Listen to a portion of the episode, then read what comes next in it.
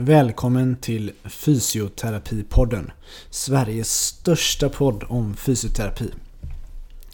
Det är jag, Kalle, som har den här podden tillsammans med min vän och kollega Viktor. Dagens avsnitt presenteras i samarbete med HMC Sverige som gör den här podden möjlig. Eh, Viktor, vad har hänt sen sist? Ja, vad har hänt sen sist? Nu börjar vi komma i den där perioden när julen känns avlägsen men sommarsemestern känns nästan lika avlägsen.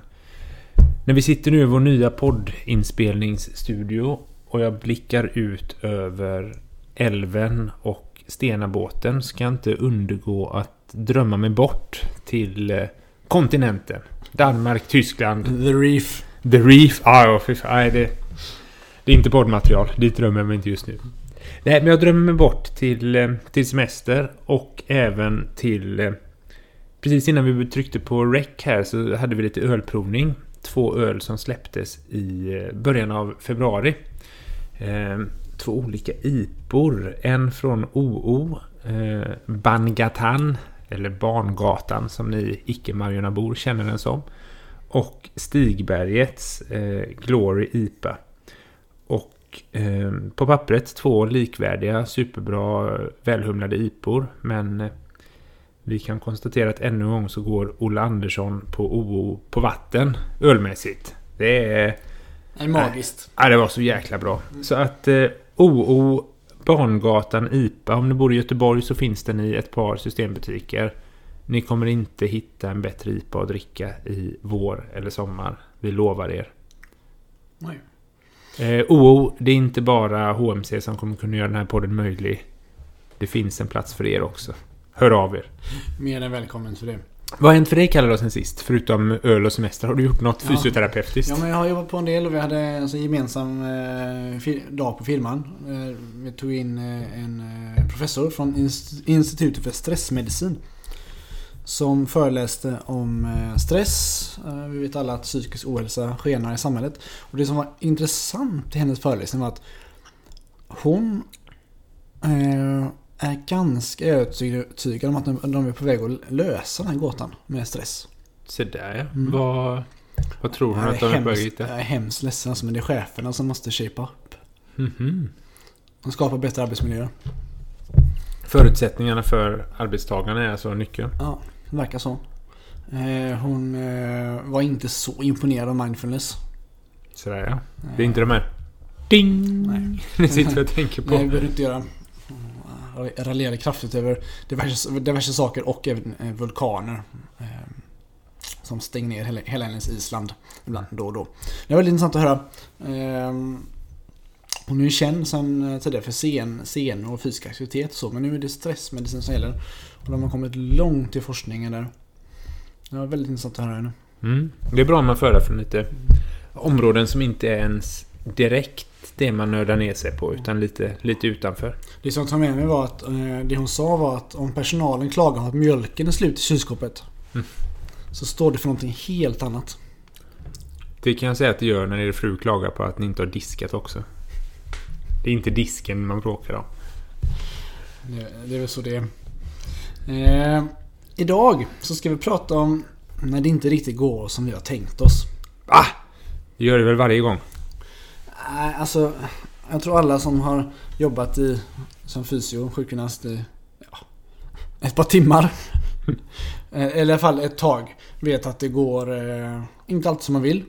Och ehm, ofta så går det ju rätt bra ändå. Men det kan ju faktiskt gå illa med. Så vi har några, vi har fått eh, några kollegor runt om i landet att dela med sig av eh, historier där det gått inte riktigt som de tänkt sig och behandlingen kanske var till och med direkt misslyckad. Vi vill gärna uppmana er lyssnare att också dela med er av era historier. De kommer ju tyvärr inte kunna bli anonyma eh, eftersom ni gör det via sociala medier. Eh, ja, skickar ni direktmeddelande till oss så blir de anonyma. Då kanske vi tar upp dem i något kommande avsnitt. Men, men lägg gärna ut dem som kommentar. Så lär vi oss alla lite nytt. Om inte vi lär oss något får vi ett gott skratt i alla fall. Ja, kom, kom ihåg att ehm, ja, vi gör alla misstag. Man gör så gott man kan. Och det är faktiskt så att ju äldre man... Ju Eller de blir och ju mer man jobbar med det, ju mer sällan kommer de här sakerna. Och en sista sak. Det är inte eh, personen i filmen som har skrivit brevet. Nej, det ska vi vara väldigt noggranna med. Faktiskt. Okej. Okay. Men vi kan väl börja med en historia vi har fått in här om... Eh, ja, det började väl med en ganska harmlös eh, träning, liksom handledningssession i gymmet.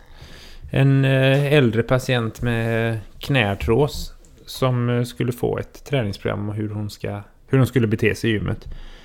Varpå vår vän fysioterapeuten då eh, instruerade diverse övningar. Bland annat en eh, leg extension i gymmet. Klassisk kvadricepsbord liksom. Sitt och sträck. Eh, oh, jag har nästan glömt av ordet kvadricepsbord. Ja, det, ja. Men det vi matade som jag mm. Jajamän.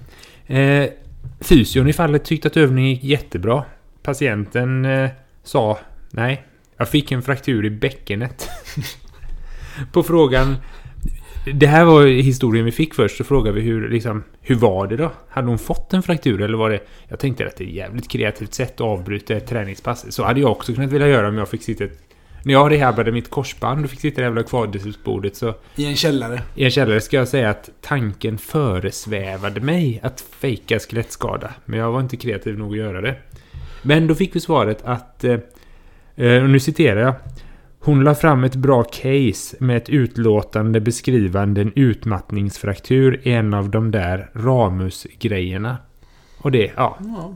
Ramus inferiorfraktur av, av leg extension är alltså ja. bevisligen möjligt. Ja, det tyckte jag var en bra start på ja, de här historierna. Alltså. Det, är, det är olyckligt, högst olyckligt ju. Ja. Jag är nyfiken på den här utmattningsfrakturen. Om det är någon som kommer pang bom eller är det mer som en stressfraktur som kommer sakta men säkert. Troligtvis, men för, för en bra historia skulle säga vi att den kom pang bom. 25 kilo i kvadricepsbordet och så det var ett bra det. Och det var ett bra case. Ja, kan man backa upp det med röntgenutlåtande så är det svårt att säga emot. Eh, nästa historia kommer österifrån i landet. Och eh, den här kollegan han hade haft en patient på vårdcentralen med nackbesvär. Han hade valt att arbeta med upprepade rörelser och eh, tyckte själv att det här gick ju riktigt bra. Alltså, patienten blev ganska snabbt bra. Kunde röra på nacken mer, kunde komma tillbaka och göra, spela badminton eller vad det var han ville göra nu igen. Och fick mindre och mindre ont. Och så gick det på besök och så skulle de avsluta. Eh, och så hörde han lite med, med den här patienten då att Okej, nu när vi är färdiga här idag och du, du behöver inte komma tillbaka mer. Vad, eh, vad tycker du om det? Ja, sa patienten. Eh, alltså jag blir bra för att jag har eh, bett så mycket till Jesus. Jaha. Så du menar... Det, det, den argumentationen får man ju eh, stoppa. Det går inte att argumentera med religion på det sättet. Men tanken efteråt är liksom att... Så patienten gick och tränade ganska många besök och gjorde, gjorde det han skulle. Och sen gav all cred till den där snubben. Med ett skynke som brallor. Ja, det är för jävligt. Jesus från Nasaret tog alltså mm. den rättmätiga äran från en trogen fysio i någonstans i östra delen av Västra Götaland. Skamligt tycker jag. gick inte den här snubben med skynke framför, framför benen i eh, tofflor också tror jag? Det gör väl i och för sig många fysioterapeuter med. Många fysios också i och för sig. du har rätt Viktor. Kanske därav förväxlingen skedde. Ja, nästa historia är faktiskt... Eh, är faktiskt personen i filmen som har skrivit den. är nämligen självupplevd.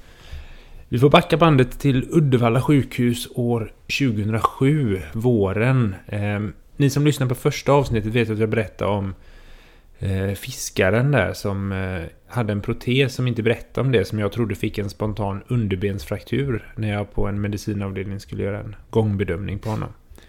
Här är ett liknande case jag får från sköterskorna på morgonrapporten. Asta behöver, du behöver se om hon kan gå bra eller inte.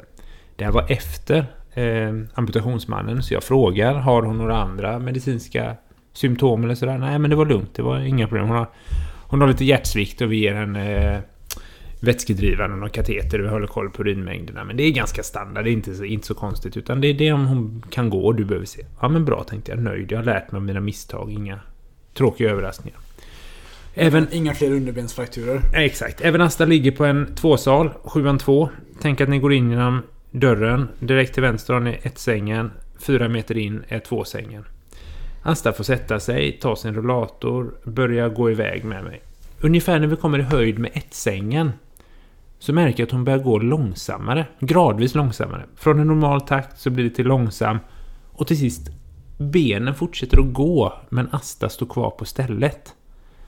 Jag blir konfunderad, lägger handen om hennes skulderblad för att ge henne lite stöd och tryck framåt. Samtidigt som jag tittar mig om bakåt. Upptäcker att hennes kateter, slang, har fastnat på sänggavelns bortre del. Och den här... Det är liksom, ni som jobbar på sjukhus vet ju en kateter, det är som gummi. Men den delen som är närmast personen är ju mer av en en gummi med mörkare, i det här fallet var det mörkt gult gummi som är lite mer elastiskt. Och den där jävla gummidelen står som en sträng genom rummet. Jag tror hade jag liksom tagit på den så hade det låtit ding.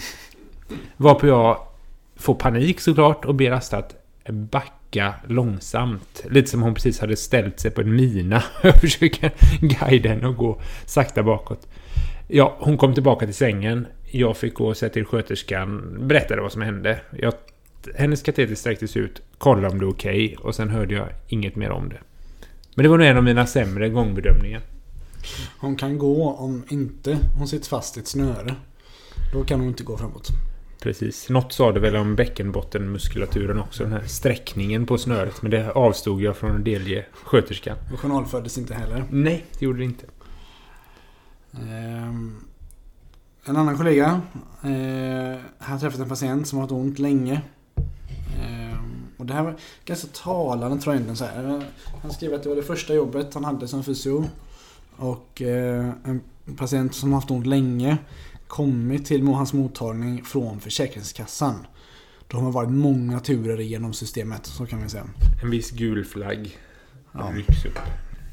Eh, och det, behandlingsvalet ni gjorde var att börja med massage. Eh, utifrån vad eh, fysion kunde och vad patienten ville ha.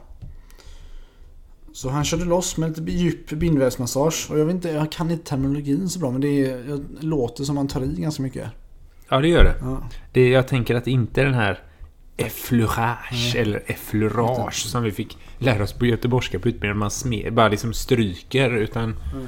Nej. Är, eh, armbågar kan jag tänka mig. Och jag hade en tidigare kollega i Danmark som hade träkors och behandlade med. Eh, men sen hon, patienten uteblev till, eh, till uppföljande besök. Och så kom ett brev tre månader senare från Försäkringskassan. Som kallade honom till ett möte. Och på det här mötet så framkom det att den här patienten hade varit helt blå och tilltufsad efter behandlingen.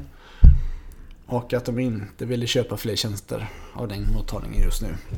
Nej, blå och tilltufsad är väl inte riktigt det man eh, siktar efter med sin behandling kanske. Nej, inte riktigt va. Nej. Nästa exempel är faktiskt återigen självupplevd. Jag känner här... Jag drar självupplevda och kallar för återberätta alla vi har fått inskickade. Jag vet inte vad det säger om min eh, skamkänsla eller min fysioterapi-kunnande. Men det här är faktiskt från när jag under 2008 var på Karl Johans No shame! på Karl Johans sjukgymnastik. Eh, och hade patienter. Då är det i sommaren, jag tror det är i juli, så ringer en kvinna. Ja, någonstans 25-30 års åldern. Och är väldigt, väldigt an... Jag måste ha en tid nu för min nacksmärta. Jag måste, du måste ha en och jag möblerar om lite schemat och pressar in en, en 30 minuters tid, liksom nybesök. Så kommer hon dit och så säger hon direkt Jag måste ha ultraljud för min nacke. Ja. Må, måste du verkligen det?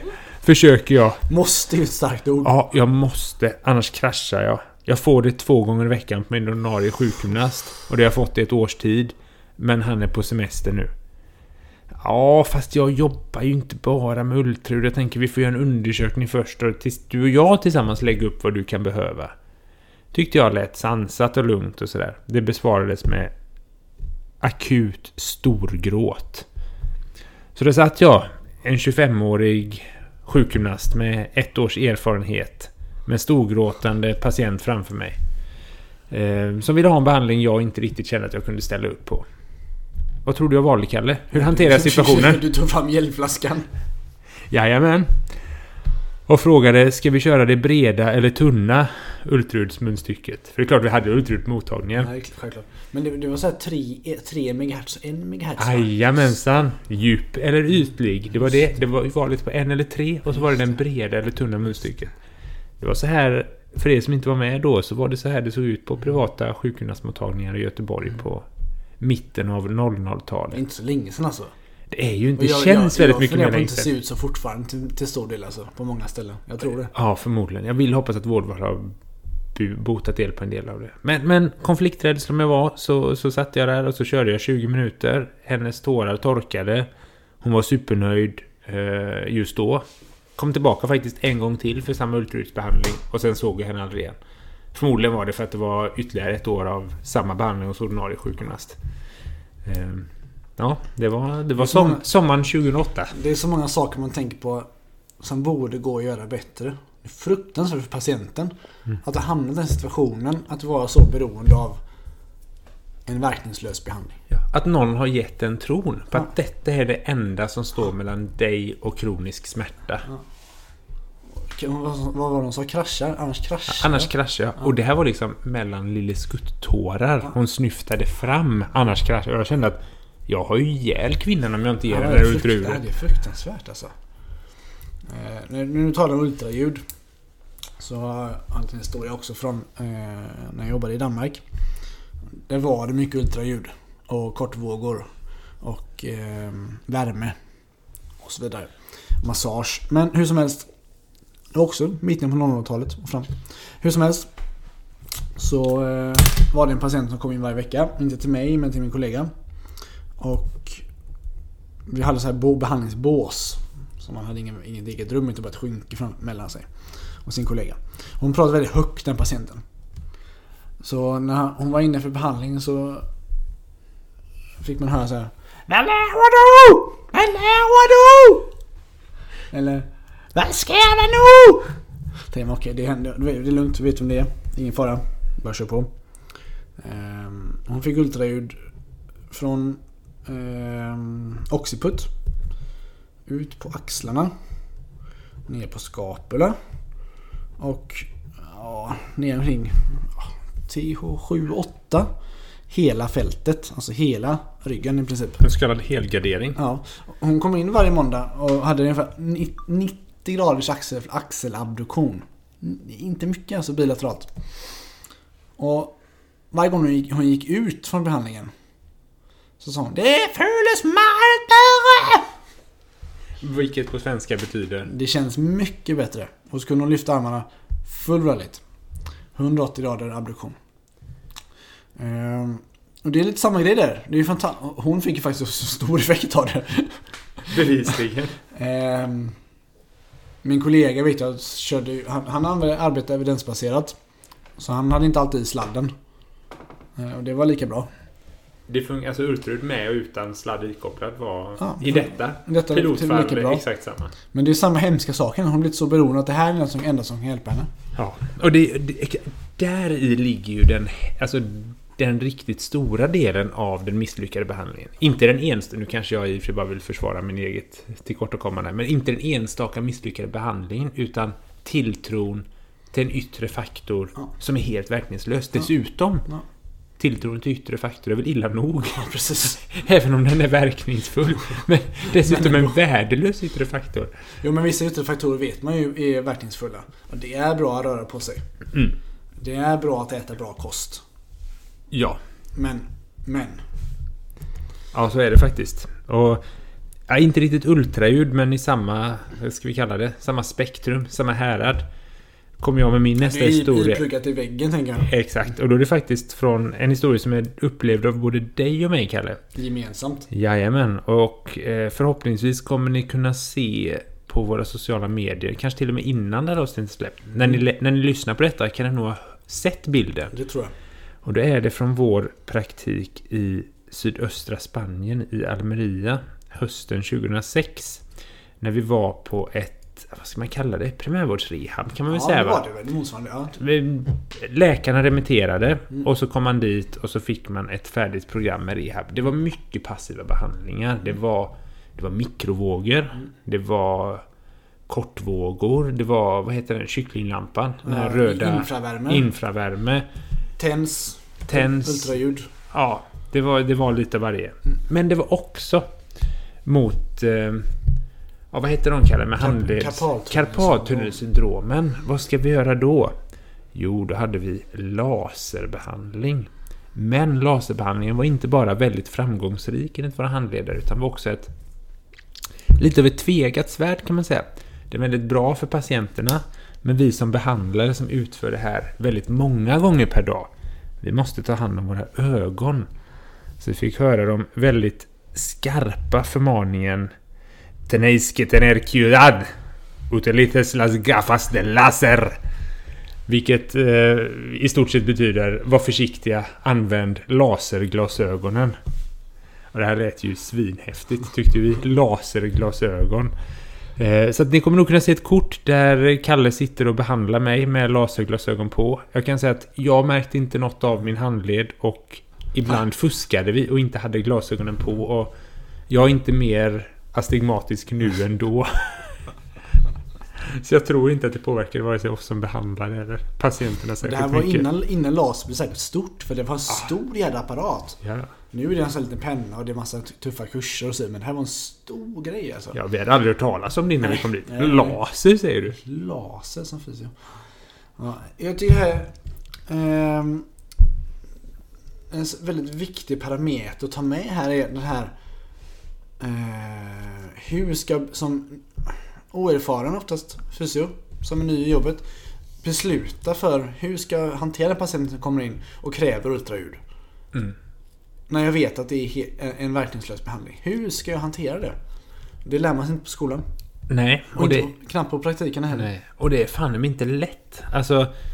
Vad, nej, det är inte... För man vill ju också på något sätt behåll, beha, liksom behålla patient, behandlar, Mm. trovärdigheten, förtroendet. För så är det ju. Det, det är ju bara väl att vi måste ju ha ett stort förtroende. Patienterna måste lita på att vi gör bra. Mm. För att behandlingarna ska ha bra effekt. Hur gör man när någon kommer in och kräver en behandling som man uppenbart tror inte har effekt? Det är de här sakerna som är svåra med yrket. Det är inte så svårt att få någon att böja sig 10 eller 20. Det är inte avgörande att böja sig 10 20, eller 20 gånger. Det Nej. svåra är de här situationerna. Och, vad, och en sak är man tänker att det är, ja, men nu ber de om en ultraljudsbehandling. Så man, man tänker att det här är helt verkningslöst. Nej, nej, nej, nej, det är för gravid. Man tar, man är gravid, då tar man ultraljud för att kolla på foster. Inte Precis. Ja. Nej. Då är det jättebra. ja, det kan det faktiskt Ja. vara. Nej, men tänk man, det här är helt verkningslöst. Ändå så ställer man, höll jag på att säga. Ändå ställde jag upp på det och jag tror, eller jag var ju bevisligen inte den där för det var någon jävla tjabo som gjort ett års tid innan. Men då ställer man upp på det. Men om samma patient hade sagt jag behöver lägga mig på mage på behandlingsbritsen. Jag vill att du gnuggar händerna, skapar chi och sen håller den över mina skulderblad i 20 sekunder. För då blir jag bra. Ja. Hade jag kunnat göra det? Man kan dra det ganska långt alltså. Nej, det är ju tvek, då är det mer tveksamt. Om jag hade stått där liksom... Hållit över. Men... Men vart går den... Vad är skillnaden på de situationerna? Verkligen. Ultraljudet och handpåläggningen. Nej, det är väldigt svår dr- gränsdragning och ni hade en ultraljudsmaskin. Ja, exakt, ja. Som vi använde, eller Ja, vi och vi. ja. Mina kollegor använde mycket. Ja. Så hon var inte ett undantag. Nej. Nej. Och det kunde vara behandlingssessioner om 20 gånger. 10 minuter ultraljud och sen självträning i gymmet i 25 minuter tillsammans med tre andra. Det var tur det fanns en inkomsttak i alla fall, även om det var ganska högt. Ja, det var en, en klen tröst, men i alla fall en tröst. det, det får vi säga. Ja, jag tror att Fysioterapipodden ska tacka för oss. Eh, Kom ihåg där ute att det är inte alltid, framförallt om det är nya jobbet, det är inte alltid lätt det här. Men det är roligt. Men det är roligt, väldigt kul. Och eh, man lär sig av sina misstag och sina misslyckade behandlingar. Och det finns alltid någon som har gjort någonting värre. det, det, vi kan ju avslöja att vi, vi tog ju inte med de värsta historierna vi fick inskickade. Utan, så tyckte ni inte att det här var illa nog så finns det värre. Det var Det en snubbe som blev av med legitimationen för några år sedan. För han hade palperat en ligament som gick mellan äggstockarna och knät och det ligamentet finns inte. Nej, Så det finns alltid någon som gjort värre saker. men passionen var äkta. Mm. Ja, ja, ja nej, vi hade sådana, men det var kontrakturprofylax och lårbenshalsar som gick av och... Ja, nej, det, det går att göra det värre. Men våga prata om det här kollegor emellan, ta stöd av varandra och hjälp oss att så småningom utföra färre och färre dåliga verkningslösa behandlingar. När vi vet bättre. Det enda sättet att bearbeta det på förmodligen om du diskuterar med kollegor. Ja, eller sitta i en podd Ja. tio år senare och berätta om det. Det fun- funkar ganska bra då också faktiskt. bra. Kom ihåg att ta hissen. Framförallt om ni ska neråt. Eh, Följ oss i sociala medier. Vi finns där poddar finns. Fysioterapipodden. Sveriges största podd om fysioterapi. Och även den enda sponsrade podden om fysioterapi. Så gå in på hmcsverige.se. Om inte annat så kan, eh, kan ni göra det över höj deras datortrafik så kanske vi får ännu mer betalt nästa år. Och det är vi väl värda. Tack för att ni har. Ha det gott. Hej.